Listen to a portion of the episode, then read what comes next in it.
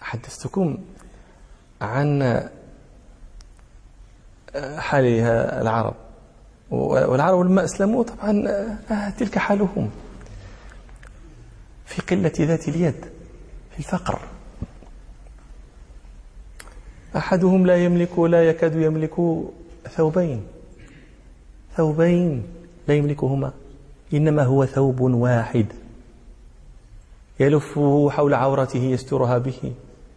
هذا ما يملكه من الدنيا. ومع ذلك لم يحل فقرهم بينهم وبين النعيم المقيم. لم لم يمنعهم فقرهم من أن يكونوا عباد الله الصالحين الفالحين الراضين المرضيين. أحدهم يملك ثوبا واحدا لا يملك غيره من متاع الدنيا ومع ذلك لا تراه متسخطا على الله غير راض بقدره وما قسم له. وشأن مأكلهم كشأن ملبسهم. روى البخاري روى البخاري ومسلم. عن سعد بن أبي وقاص رضي الله عنه قال ولقد رأيتنا نغزو مع رسول الله صلى الله عليه وسلم. ما لنا طعام إلا ورق الحبلة. وهذا السمر نبات الأشجار الذي يأكله المعز. ما لنا طعام إلا ورق الحبلة وهذا السمر. وإن أحدنا ليضع كما تضع الشاة لأنه يأكل ما تأكله الشاة. وروى البخاري عن محمد بن سيرين قال كنا عند أبي هريرة وعليه قميصان ممشقان من كتان تمخط تمخط في أحدهما. والكتان ما هو الكتان؟ لا هو مبرى ولا هو ملف ولا هو ملفة ولا هو بلان بلان ولا كتان. نشعل به الفخر حنايا هو من النعيم عندهم. قال فتمخط ثم قال بخ بخ. أبو هريرة يتمخط في الكتان. رأيتني وإني لأخر. فيما بين منبر رسول الله صلى الله عليه وسلم إلى حجرة عائشة مغشيا علي. فيجيء الجائي فيضع رجله على عنقي. يرى أني مجنون كأنه مصروع قال وما بي من جنون ما بي إلا الجوع. الجوع. وهذه كانت حال رسول الله صلى الله عليه وسلم نفسه. روى مسلم عن النعمان بن بشير. رضي الله عنه قال ألستم في طعام وشراب ما شئتم لقد رأيت نبيكم صلى الله عليه وسلم وما يجد من الدقل ما يملأ به بطنه. والدقل هو رديء التمر. ذلك التمر الذي تنحيه أنت. ترميه إذا أردت أن تشتري تمرا. ذاك لا يجد النبي صلى الله عليه وسلم ما يملأ به بطنه. وتلك كانت حال أزواجه صلى الله عليه وسلم أهل بيته. روى الشيخان عن عائشة رضي الله عنها قالت ما شبع آل محمد صلى الله عليه وسلم منذ قدم المدينة من طعام بر. بر القمح. من طعام بر ثلاثة ليال تباعا. الخبز حافي. لا يشبعون منه. وروى البخاري عن قتادة. قال كنا عند أنس بن مالك وخبازه قائم.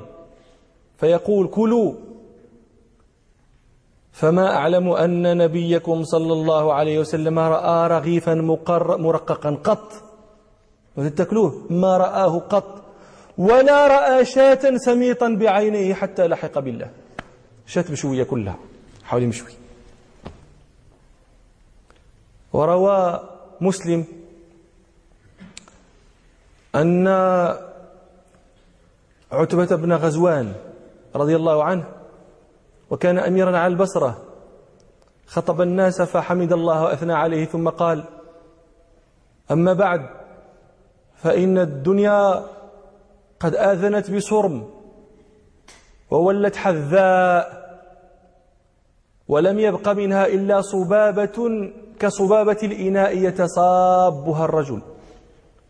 وإنكم منتقلون منها إلى دار لا زوال لها فانتقلوا بخير ما بحضرتكم.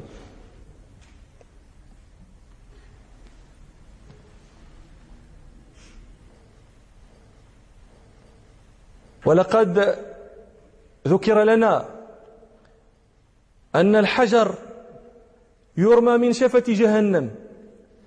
فيهوي فيها سبعين عاما. لا يدرك لها قعرا نسأل الله العافية. نسأل الله العافية. نسأل الله العافية. لا يدرك لها قعرا ووالله لتملأن. أفعجبتم؟ ولقد ذكر لنا أن ما بين مصراعين من مصارع الجنة مسيرة أربعين سنة وليأتين عليها يوم وهو كظيظ من الزحام. ولقد رأيتني سابع سبعة مع رسول الله صلى الله عليه وسلم ما لنا طعام إلا ورق الشجر. فالتقطت بردة فشققتها نصفين بيني وبين سعد بن مالك فاتزرت بنصفها واتزر سعد بن مالك بنصفها. ثم أصبحنا وما منها أحد إلا وقد أصبح أميرا على مصر من الأمصار. هذه كانت حاله. وتلك كانت حياتهم. جهد وإقلال وإملاق وفقر وقلة ذات يد. ومع ذلك يبذلون ويجودون ويؤثرون. فما عذر امرئ بسط الله له في رزقه وأوسع الله له في ماله ورفعه الله على كثير من عباده. إذا دعي لينفق في سبيل الله فيما هو خير له وأنفع له وأبقى له. تلكأ وتباطأ وذلك خير له لو كان يعقل.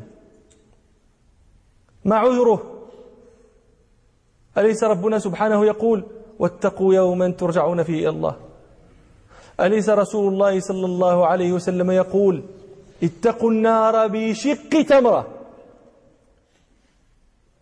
فكيف بمن, بمن يملك ما يشتري به تمر الدنيا كلها ولا يتصدق بشق تمرة؟ أيها الناس إنما هما مسلكان. من يريد الله به خيرا يسلك به سبل الخير. ومن يسلك به غير ذلك فلا يلومن إلا نفسه.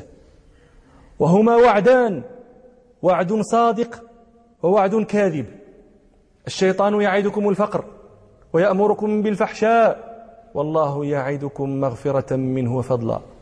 فلينظر امرؤ أي الصدق أي الوعدين يصدق ولينظر إلى أي الواعدين يطمئن ويميل. وفقنا الله جميعا الخير. نعم.